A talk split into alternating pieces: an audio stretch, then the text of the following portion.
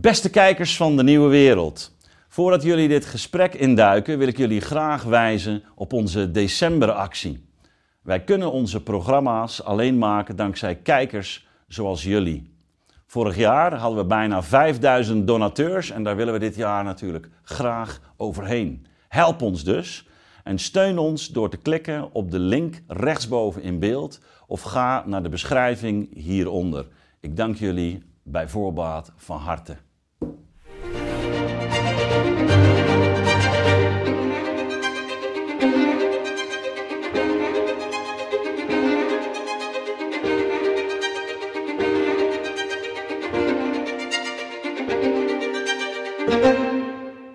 Vandaag verder met uh, Aristoteles. We hebben vorige keer kort de vijf uh, kenwijzen besproken. Na namelijk uh, de eerste waarneming, kwalitatieve verhoging in de tweede, herinnering, waardoor je gelijkenis kan vaststellen. De derde, empiria, nog een kwalitatieve verhoging. Daar komt het tijdsaspect bij. Ik kan als eigenlijk patronen gaan herkennen, indien dit, dan dat. Dan de vierde, weer een kwalitatief hogere vorm van kennis, dat ik de oorzaak of de grond eigenlijk begrijp. Eh, waardoor het een verbonden is met het ander of het ene volgt op het, op het ander. Ja? Dus het, eh, dan zitten we bij de episteme. En we waren bij de vijfde gebleven. Ja, en daar ben ik mee geëindigd. En dat was de Sophia. Ja? Sophia, um, ook wel vertaald uh, met uh, wijsheid. Ja, dan komen we weer dat uh, thema tegen.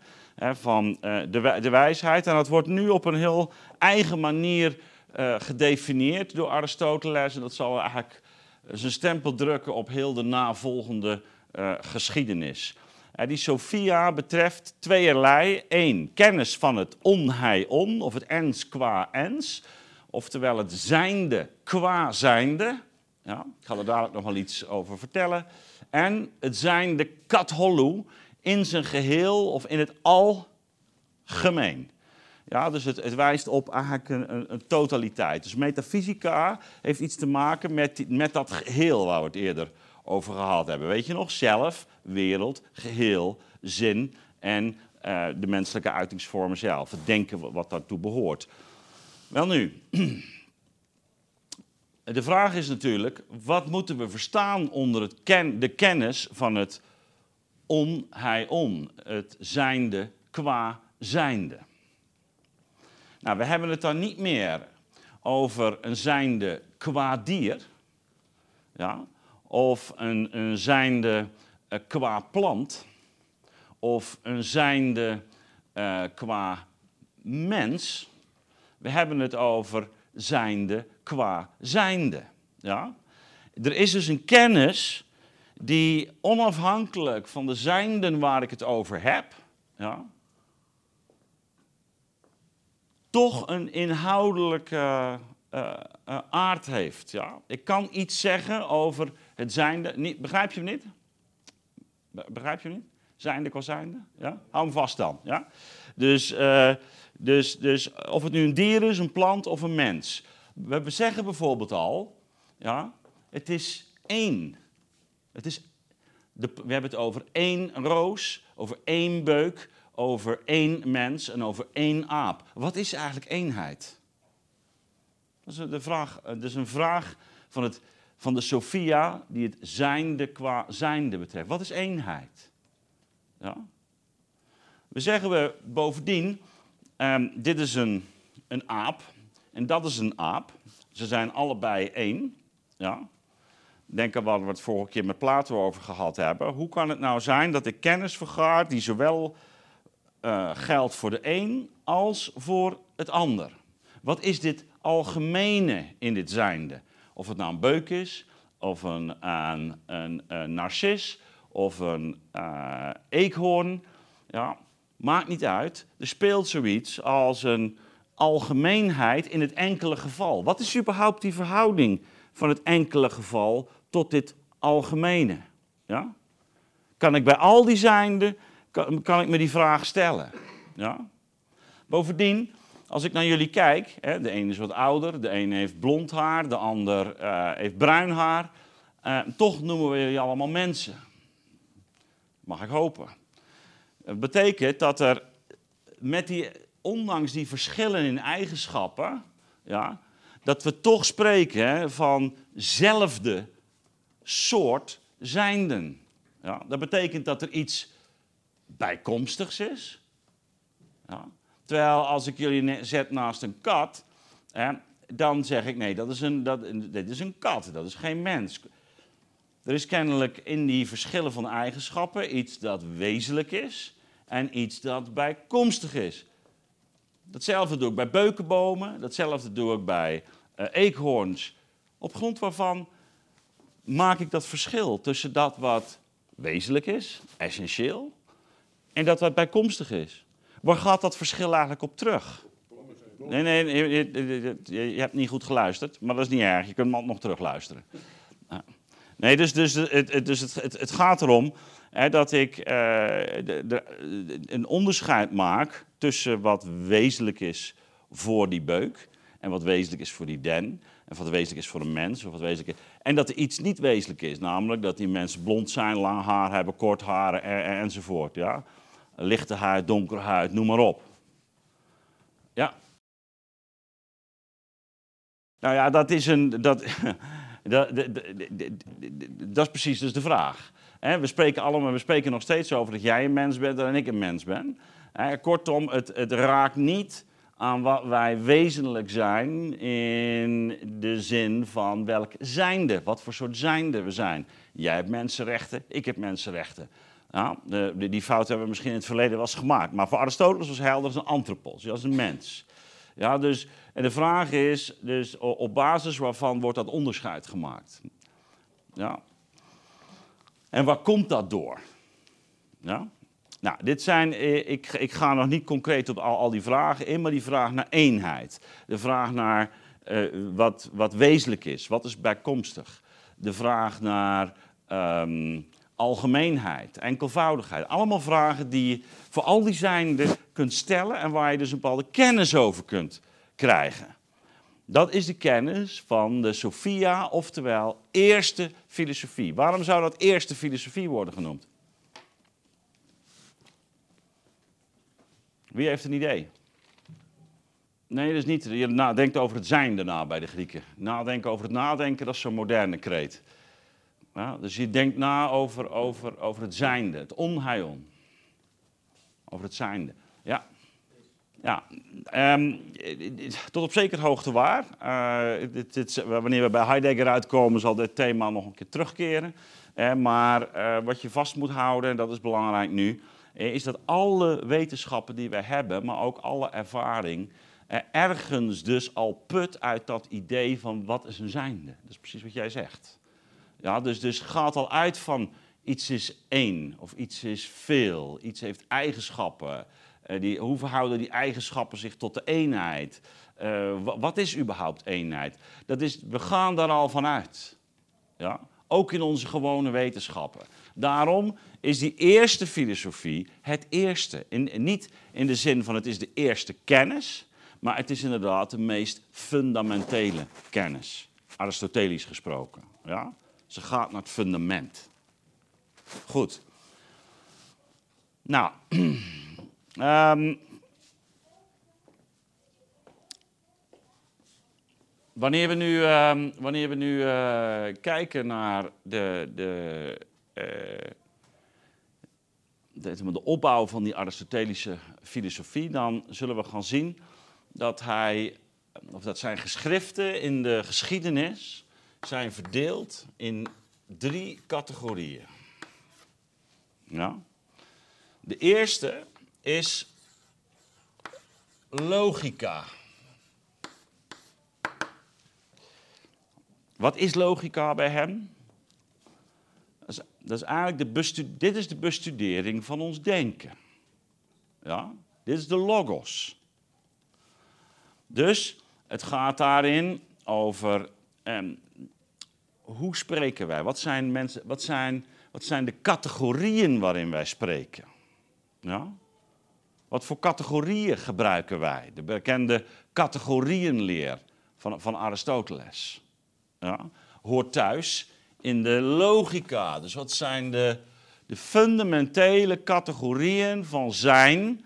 Ja, waar wij over spreken. Nou, wat, wat is zo'n meest fundamentele eh, categorie?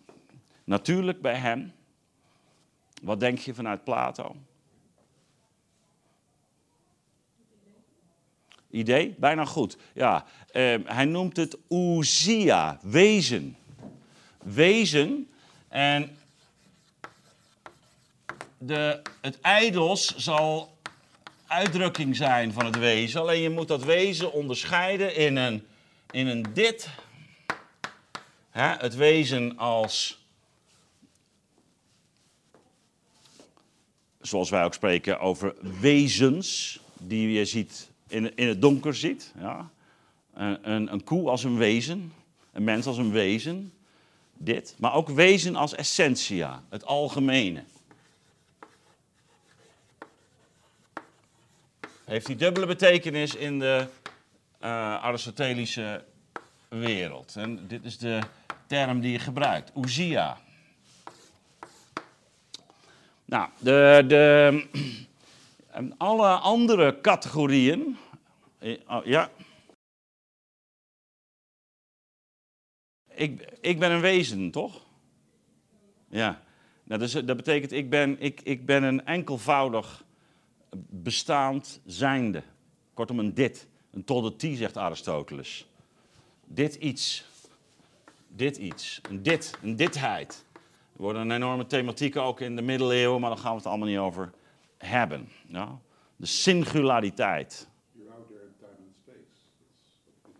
Ik besta in tijd en ruimte. Dat is uw, dat is uw wezen. Ja, ja, Tijd, tijd en ruimte, nou dat vind ik wel op goeie. Je ziet dus een hele reeks categorieën. Ik ga ze nu niet uitvoerig bespreken, want daar hebben we geen tijd voor. Maar we, we, het gaat hier om, weer belangrijk, de logica gaat over de manier waarop wij dus uh, redeneren. Door middel van de logos eigenlijk nadenken ja, over, de, over de werkelijkheid. En die, die, die logica, die, um, die zelf dus uh, bestaat uit verschillende onderdelen. Ik zal er dadelijk nog wel iets over zeggen. Maar de eerste is de, zijn de categorieën. En zo ook in de traditie wordt dat een heel belangrijk punt. Ja, als je kijkt naar Kants kritiek de van Noen bijvoorbeeld. En dan zie je ook dat bij Kant de categorieën een, een, uh, een, essentieel onderdeel vormen van het menselijk kenvermogen. Wij denken in categorieën. Ja? Nou, die categorieën zijn hier niet zozeer categorieën van denken alleen, maar categorieën van zijn.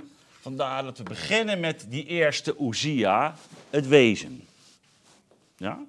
Dat is het meest elementaire zijn wat Aristoteles onderscheidt. Vervolgens geldt dat uh, de andere categorieën eigenlijk allemaal afgeleide daarvan zijn die hebben allemaal betrekking op iets aan de Uzia. Ja, dus eh, we hebben het dan bijvoorbeeld over eh, de categorie kwaliteit. Ja? Of de hoedanigheid van iets. Een poionti in het Grieks. Eh, dus je zegt, de tafel is wit. Dat is een kwaliteit. Ja?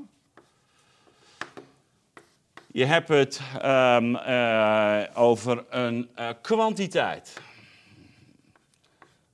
je hebt het over één tafel, die, of over meerdere tafels. je hebt het over de ruimte. De tafel staat hier. De tafel stond gisteren hier. Je hebt het over tijd. Ja. We hebben het over beweging. We hebben het over relaties. Ja, ik zit aan de tafel. Of de verhoudingen. We hebben het over de staat waarin iets verkeert. Dat is wat anders dan een hoedanigheid. Het is een slechte tafel. Hij is kapot. Ja? Dat is, de, dat is eigenlijk de, de, de, ja, de, de staat. Hij onderscheidt dat dus van die, zomaar die kwaliteit. Nou, zo zijn er nog wel wat. Uh, soms gaat hier de 7, soms 9, soms 10. Uh, um, beweging heb ik hier al genoemd. Eh, de verhouding, de staat. Eh, dus de, uh, moeten er nog zijn hoor. Uh, welke kan ik zo nog even opnoemen? Ja, nee, ja, dat zei ik, maar hij onderscheidt dat dus. Dus de toestand. Eh, dus die, die categorieën, een ziek lichaam is, is wat anders dan alleen maar een kwaliteit van dat lichaam. Ja? Nou ja, het zijn allemaal, allemaal overwegingen die hij heeft. Kortom, zijn denkvormen. Ja? Maar die zijn ook vormen van, van het zijnde. Ziek zijn is wat anders dan blank zijn. Ja? Of, of, uh, of, of, bruin haar hebben. Nou. Goed. Um, dat, is dat is één aspect. Die logica bestudeert verder. Hoe wij dus oordelen vellen met behulp van die categorieën. Hoe wij redeneren, redeneervormen. Ja? Hoe wij redeneren waarbij we um, eh, met behulp van uh, die oordelen die we hebben... Um, uh, bepaalde bewijzen kunnen leveren. Dat is de, de logica zoals die van toepassing is in wetenschap. Ja? Maar niet alleen hoe we bewijzen leveren, ook hoe we naar de beginselen zelf kunnen toedenken en toewerken. Weer een ander soort, want een bewijs vooronderstelt altijd al een bepaald uitgangspunt. Ja? Hoe leren we de uitgangspunten eh, kennen? Nou, dat hoort allemaal tot het domein van de logica. Ja? Dat zijn de boeken van de, de categoria, de perihermeneias, de analytica posteriora, analytica priora, uh, de topica en, en de sophisticus elenches, eigenlijk de, de redeneringen die, uh, die drogredeneringen genoemd kunnen, kunnen worden. Wordt allemaal tot dit ene domein wat bestudeerd wordt in de logica. Ja? Onze moderne logica is echt iets anders dan die Aristotelische logica. Ja? Dat is goed om in de gaten te houden. Het heeft dus dat hele brede palet. Ja, met alles wat te maken heeft met de manier waarop wij kennis verwerven door te redeneren. Ja? Door onze reden te gebruiken. Dat is de, dat is de antieke of de Aristotelische uh, logica.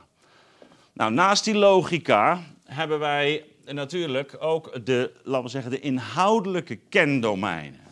Daarin wordt een fundamentele tweedeling gemaakt bij Aristoteles. En die zullen we bij Hegel, maar eigenlijk heel de geschiedenis, ook weer terug zien keren.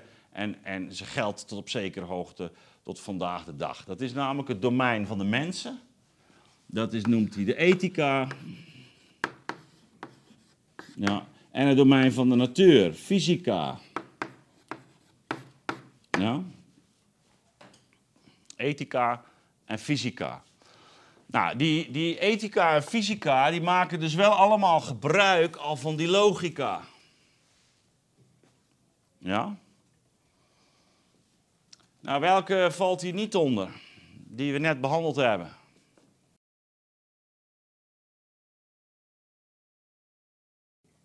Dat hoort bij de ethica. Dat zijn menselijke aangelegenheden. Metafysica, inderdaad. En maar waar, zou je, waar zie je eigenlijk toch al iets van die metafysica in tevoorschijn komen?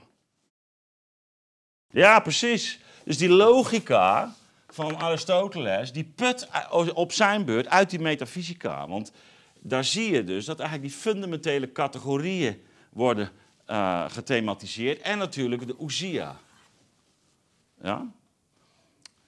Goed, dus die metafysica, maar zoals gezegd, hè, dus die werkt ook gewoon in al die gebieden door. Ook in de, in de soort logica die we hanteren. Ja.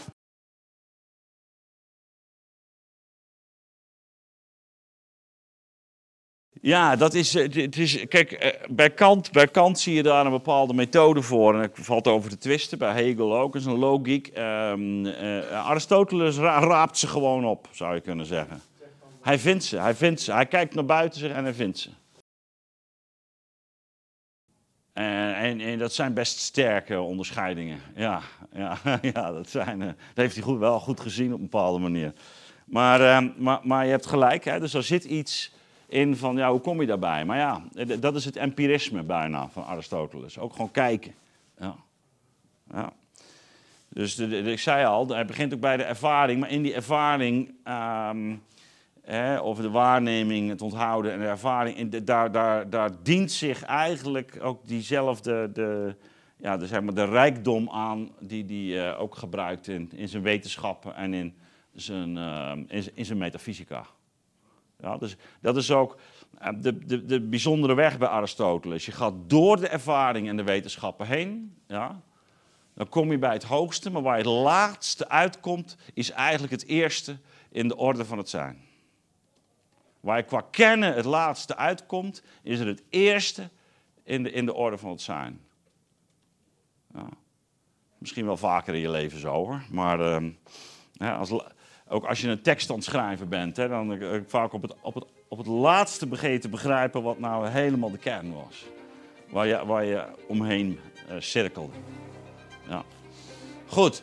Um, nou, dit is in een vogelvlucht, dus die deling van die, van die klassieke filosofie. Uh, kijk je naar de moderne tijd en dan zie je bijvoorbeeld dat het onderscheid in de 19e eeuw tussen geesteswetenschappen en natuurwetenschappen eigenlijk al teruggaat ook op, op deze fundamentele tweedeling. Ja, of menswetenschappen zeggen we tegenwoordig, de humaniora versus de natuurwetenschappen.